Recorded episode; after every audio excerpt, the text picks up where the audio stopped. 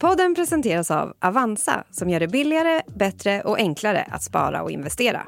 Välkommen till en bank som den borde vara. En hackergrupp med ryska kopplingar. Flera företags och myndigheters sajter och datasystem har lamslagits. Det Rysslandskopplade hackernätverket Akira slog i helgen till mot flera svenska kommuner och regioner. 120 myndigheter och högskolors lönesystem har varit utslagna. Och i flera dagar har nu butikskunder och personal mötts av nedsläckta system. Det gick inte att handla någonting här. Det är klart man blir orolig. På en kvart får du veta varför hackerattacker som den här sker och vad deras mål egentligen är. Digitaliseringen har gått så fort och säkerhetsarbetet har inte riktigt hängt med.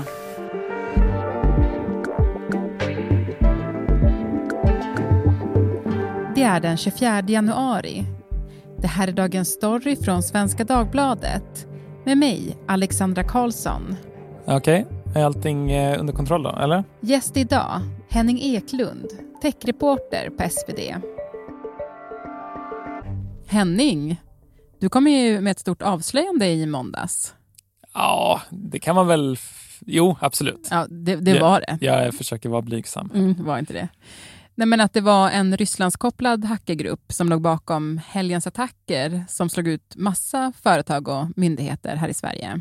Ja, precis. Det var ju en hel massa företag och myndigheter som eh, fick sina IT-system utslagna och eh, jag kunde då berätta att det var den eh, Rysslandskopplade hackergruppen Akira som legat bakom det här angreppet. Mm. Och vi ska prata mer om dem alldeles strax, men jag tänkte först bara Alltså vad tänkte du i helgen när den här nyheten kom? Ja, men jag tänkte på ett eh, klassiskt meme. Ah oh, shit, here we go again. ja, eh, klassiskt meme från eh, tv-spelet Grand Theft Auto från 2004. Mm. Ja, men det var lite den känslan. Det kommer ju liksom med jämna mellanrum.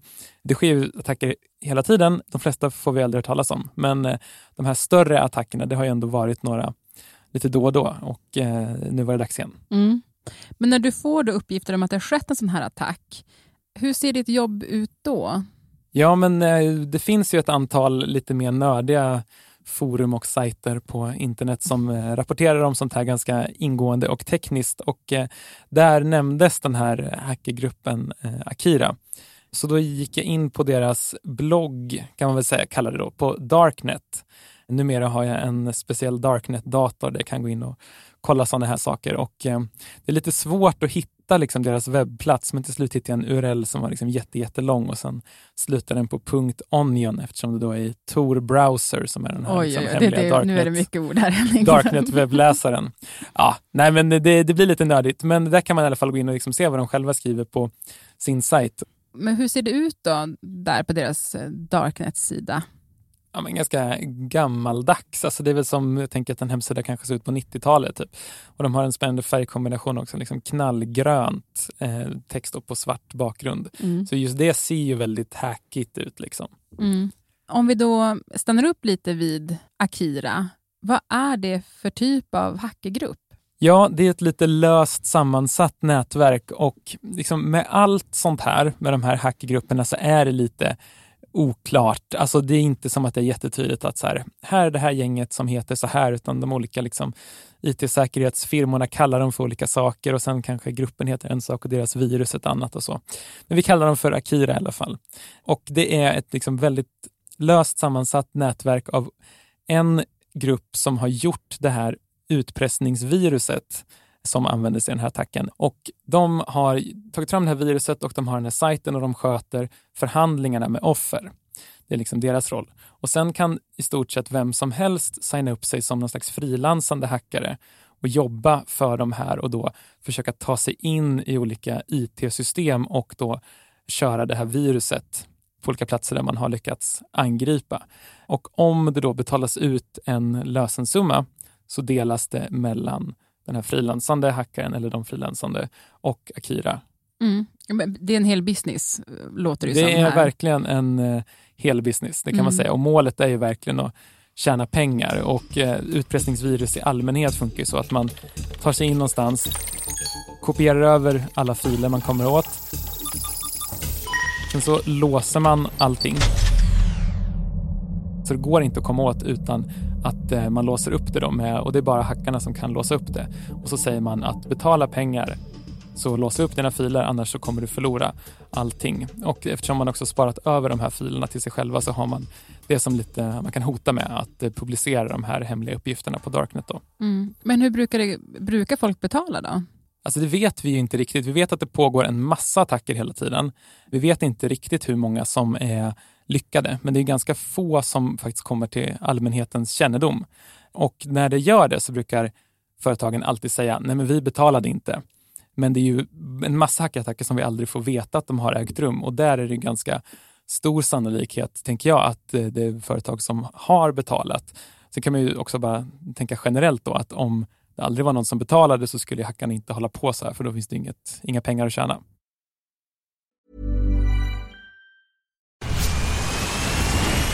Where's that dust coming from? Still finding debris after vacuuming? Eufy X10 Pro Omni Robot Vacuum has 8,000 PA of powerful suction to remove debris deep in carpets. And it's totally hands free. Want to know more? Go to eufy.com. That's EUFY.com and discover X10 Pro Omni, the best in class all in one robot vacuum for only $799. Men Henning, hur uttänkta är Akiras mål?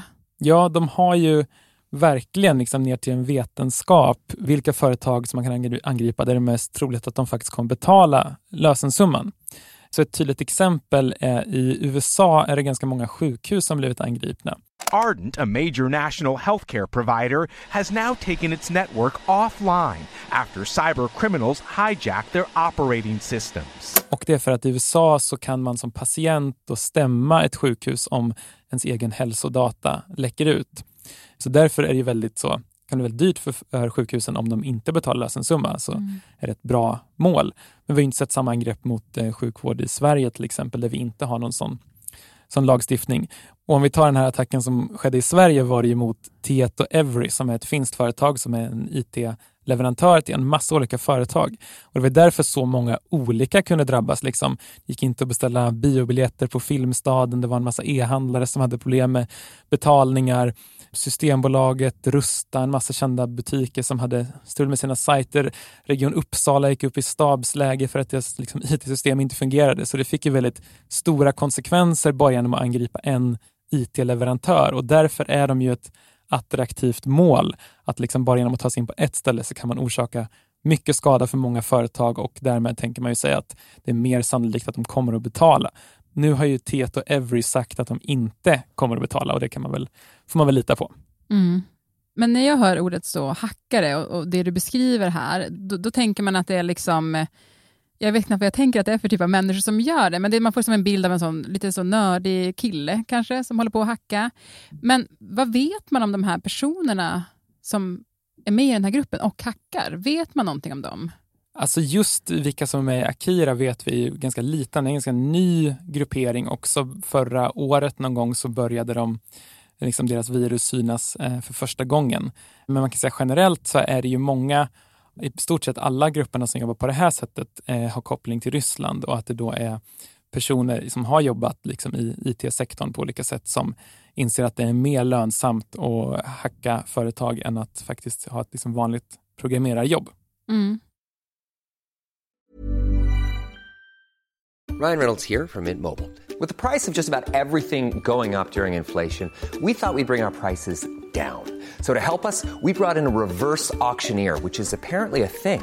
Mint Mobile unlimited premium wireless. Ready to get 30, 30, bit to get 30, bit to get 20, 20, 20, bit to get 20, 20, bit to get 15, 15, 15, 15 just 15 bucks a month. So, Give it a try at mintmobile.com/switch. slash $45 up front for 3 months plus taxes and fees. Promo rate for new customers for limited time. Unlimited more than 40 gigabytes per month slows. Full terms at mintmobile.com.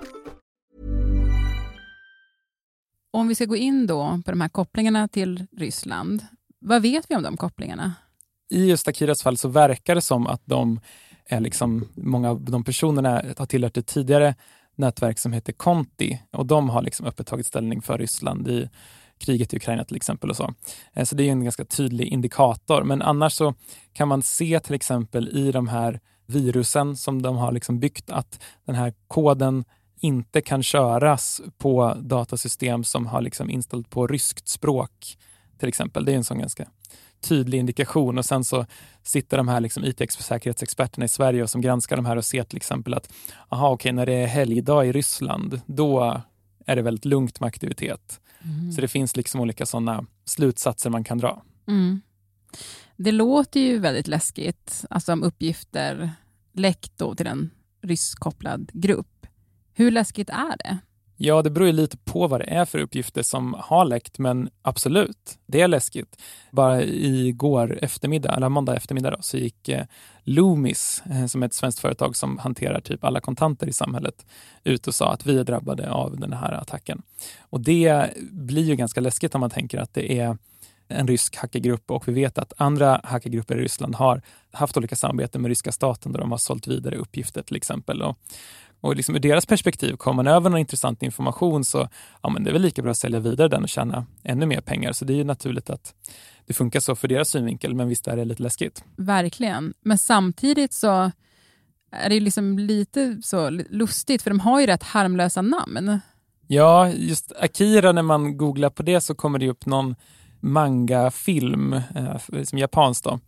Och ja, det finns typ den mest kända gruppen som är en, en, liksom en del av ryska armén heter Sandworm mm. som är döpt efter de här stora monstren i Dune om du har sett den filmen eller läst den boken. Så de har lite, lite märkliga namn, ofta inspirerade av olika populärkulturella fenomen. Mm. The largest and most dangerous organism on Arrakis is the sandworm. Och jag tänkte, Henning, i början av Rysslands anfallskrig mot Ukraina så pratade vi ganska mycket om hybridkrigföring här i podden och de här typen av hackerattacker och att Europa skulle utsättas för fler sådana. Är det här en del av det? Ja, det vet jag inte riktigt om man kan säga på ett sätt så agerar ju de här grupperna med liksom ryska statens goda minne. Att de får hållas så länge de inte ger sig på mål i Ryssland. På det sättet liknar de lite, det var en person jag intervjuade som liknade dem med hur det funkar med pirater och kapare förr i tiden. Då, att säga att Storbritannien och Spanien låg i krig så kunde Storbritannien anlita kapare att anfalla och plundra spanska fartyg. Så, så länge de bara gav sig på fienden så var det helt lugnt.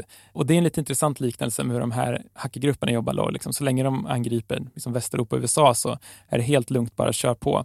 Så på något sätt kan man ju kalla det en del av eh, Rysslands hybridkrig. Men det är inte som att man ska se att de här grupperna liksom jobbar på uppdrag av ryska staten till exempel.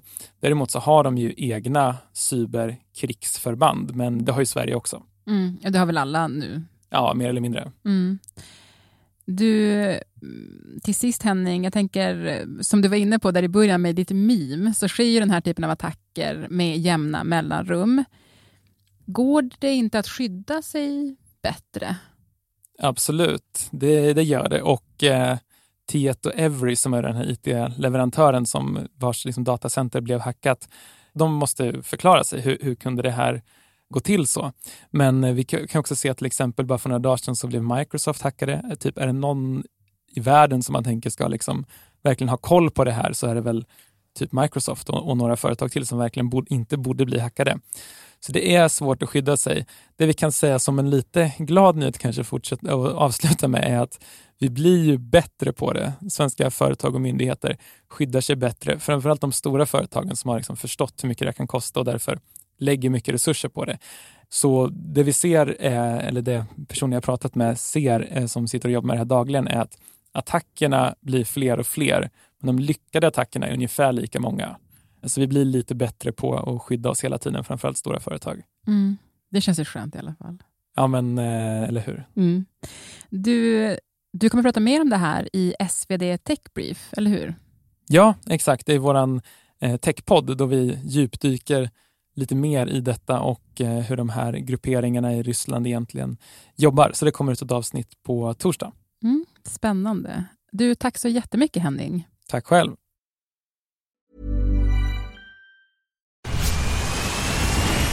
Where's that dust coming from?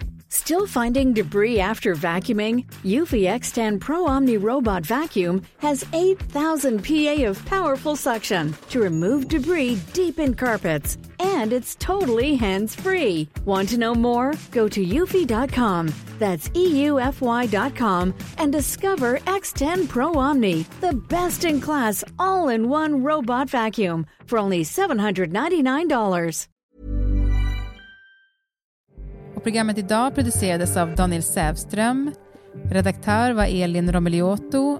Och om du vill kontakta oss så mejla till dagensstory.svd.se.